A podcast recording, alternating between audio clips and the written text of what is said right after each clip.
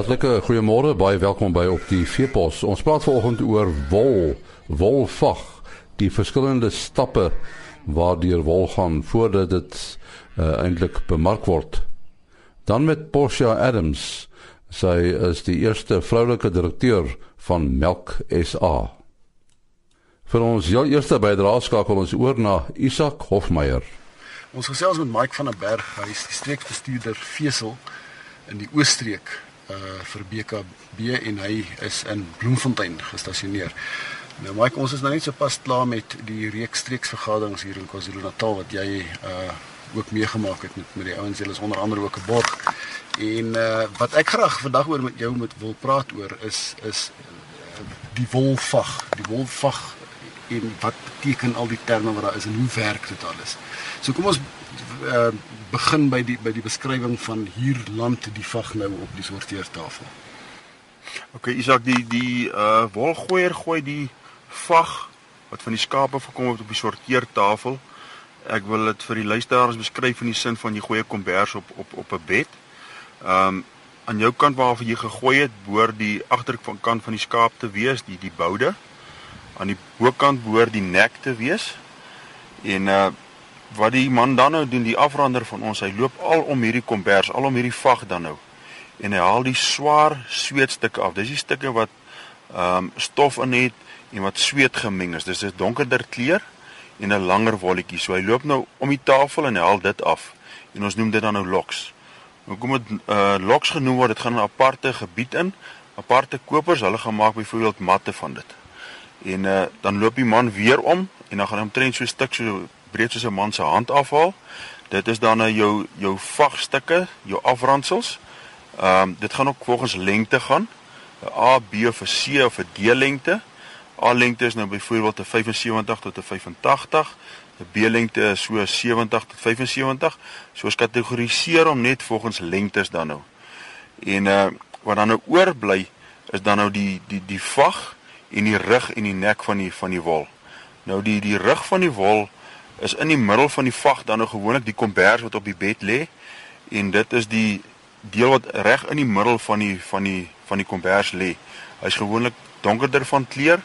Ehm um, sy tippie is meer verweerd as gevolg van die son en die en die reën en uh hy's dan bietjie langer ook as die as die res van die vag. En dan haal hulle die stuk dan nou af en ons merk hom 'n BKS, 'n backs. Haal hom dan nou uit. En binne in hierdie rugstuk is dan nou nog die die kraanies en dis waar die skouers is omtrent. Ehm um, dis waar al hierdie plantmateriaal en goede inval en ons merk hom dan nou op BKS2 want hy is swakker as die res, res van die van die van die rug. Ehm um, wat dan nou oorbly is die nek bo. Ehm um, hulle haal die nek uit want hy verskil in lengte en hy's geeler en hy's uh meer plat gedruk.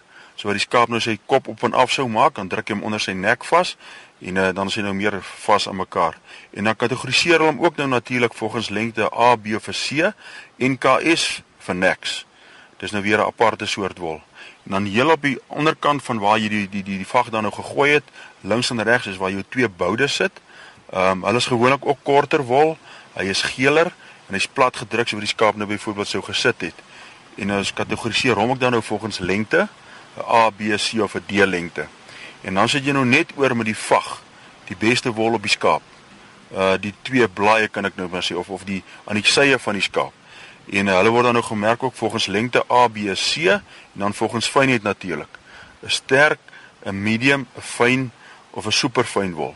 Want dis so plus minus 'n fyn is so rondom 'n 19 mikron, medium so 20 en 'n half mikron en dan sterk so 23 mikron en sterker.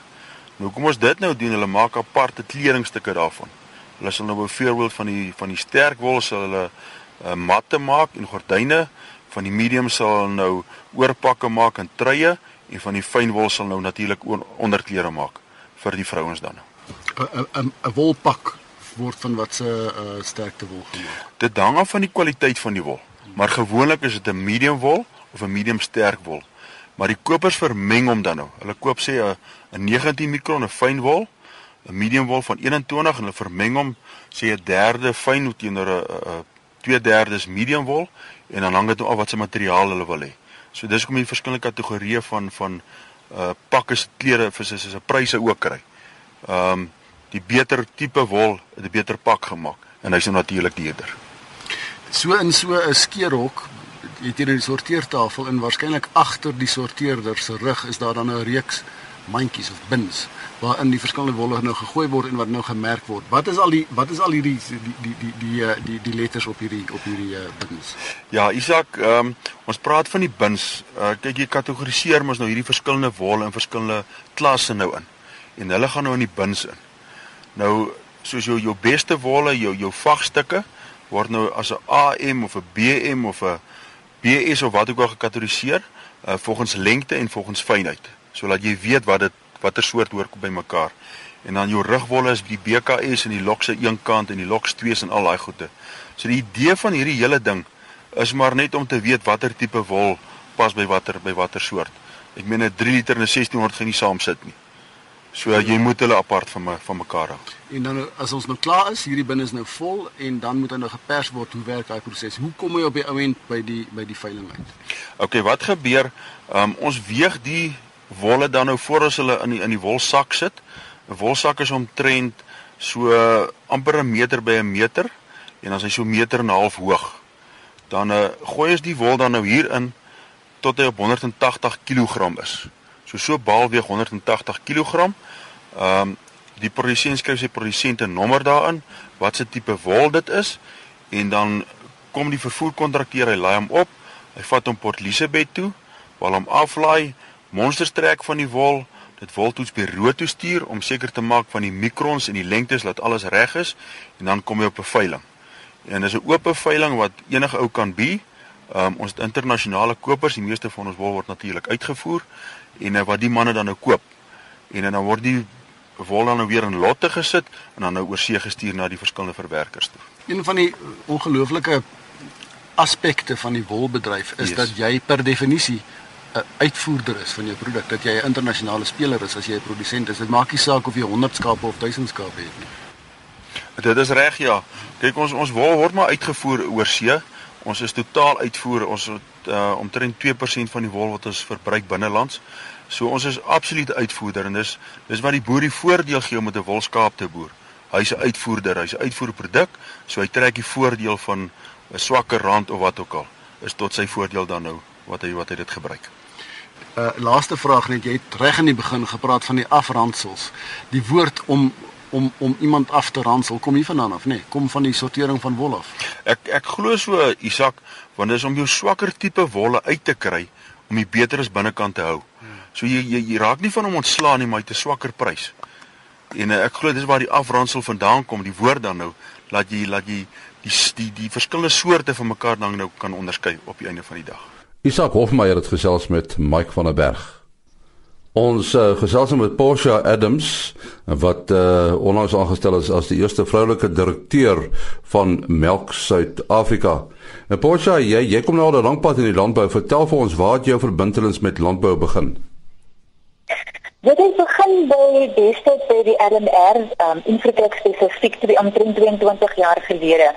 En my grootste gedeelte van die ervaring is maar in die vrugtebedryf, maar ek het ook geleentheid gehad om onder andere by um PPCB, Vrugte Suid-Afrika, die departement van landbou, agriwetenskap en nou by Agri Expo ook aan te sluit. Um uh, die destydse uh, sagte vrugte produsente trust wat nou Hoortkrou is, wat ook een van die plekke waar ek gewerk het. So ja, dit het 'n lekker agtergrond gegee om my ervaringsvlak in landbou bietjie uit te brei.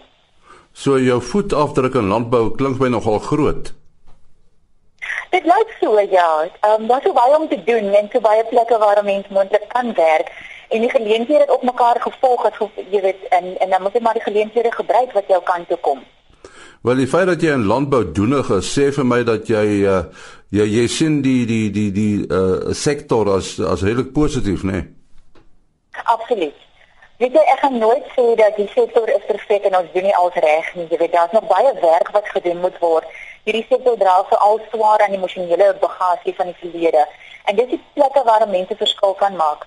Ehm, um, so dit wat mense terugploeg, dit wat mense sien gebeur, is is goed wat jy kan verander. Die landbousektor het eintlik in die algemeen is dit eintlik so lekker veld om in te werk. Dis mense wat nog um, en met hart en siel in die landbousektor inklim. Dus ek neem dit altyd fout van die aarde. En dit is 'n deursnit. Dit is van plaaswerker af reg deur tot 'n mega boer. En dit is my ervaring wat vir my positief is is dat op al daai vlakke is daar mense wat 'n positiewe verskil wil maak waarby ek kan aansluit met dit wat ek besig is om te doen. Met al die dinge wat jy jy nou in die landbou gedoen het, uh, waarvan van al daai dinge is jy nou die kampioen? Oh nee, ek is 'n kampioen van niks. Ehm um, nee, ek ek sal dit nou nie so stel nie. My my ervaring stel te meer in die pluspunte wat ek het is maar ek ek is goed in kommunikasie, ek is goed in PR, ek is goed in bemarking. Ehm um, en dit is maar die die kennis wat 'n mens gebruik om terug te ploeg op watter vlak ook al nodig is. Ehm um, persepsieskywe, dit is een van die goed wat vir my lekker uitdagings is. Daar is soveel negatiewe persepsies uit van die landbousektor of teenoor die landbousektor. En dit is die vaardigheid wat ek graag gebruik om mense net te kry um, om daardie persepsieskywe te doen om te kyk wat is die positiewe goed want jy kyk op persepsie is 'n vreeslike ding. Dit is jou jou huidige realiteit. So dit wat jy sien en dit wat jy ervaar en glo is dit wat jy altyd sal glo totdat dit verander word. En dit is vir my die uitdaging op die vlakke waar ek beweeg.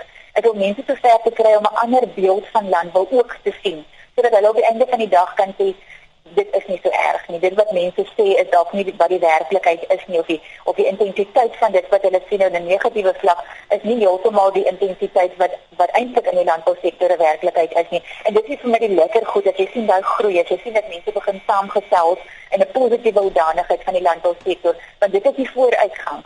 Um, ons gaan ons gaan altyd onthou wat in die verlede gebeur het want dit is nodig dat mense weer daai foute herhaal nie. Maar hoe gaan ons bou aan 'n landbousektor wat positief is, wat op alle vlakke vir mense aanvaarbaar is, as ons nie 'n toekoms visie ingaan en 'n toekomsgerig eintlik werk nie. Dink jy daar is met die landbou 'n uh, groot genoeg besef dat uh, hierdie hierdie goeie beeld gebou moet word? Uh, hoe moet dit gebeur?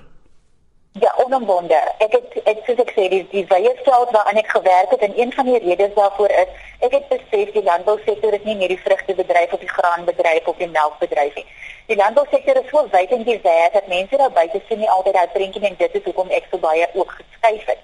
Sodat ek kan gaan kyk vir myself en myself oortuig is dit wat mense sê in terme van wat hulle wil verander in die sektor, is dit die werklikheid. En ek het dit oor en oor getoets vir my eie onthaalwe. Um, en ek het onomwonde gekry dat mense regtig bedoel wanneer hulle sê hulle wil die landbousektor verander.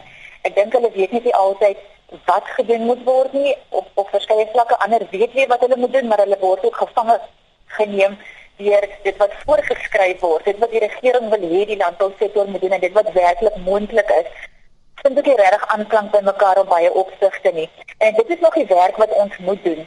En wat ook moeilik maak is wanneer ons werk met politieke leiers en hulle het op pad geloop en hulle verstaan wat ons doen, verander hulle weer. Dan is dit weer verkiesing en nuwe leiers kom in plek en jy moet daai hele proses herhaal. Wat baie moeilik maak om die om die gaping tussen die bedryf en die en die politieke leiers kleiner te hou en kleiner te maak. Dit is een van die uitdagings waarmee ons gedurig sukkel en ek voel vir jou asof jy nie verder gaan nie, maar tog is daar um werklik wat is progress in in Afrikaans nou? Is daar vordering op hierdie vlak in terme van wat moet verander en wat die transformasie moet gebeur? So ja, die wilskrag is daar, die ingesteldheid is daar oor die algemeen en daar is nog 'n paar mense wat 'n mens op op op dieselfde vlak as ons moet kry. Maar ek dink oor die algemeen is die is die ingesteldheid ja, ons wil 'n verskil maak. Hoe maak ons dit? Hoe vorder ons met dit wat ons voorstel het om te doen? Dit was dan Porsche Adams, uh direkteur van Melk SA. Ook die einde van ons program. Môreoggend is ons terug. Tot dan, mooi loop.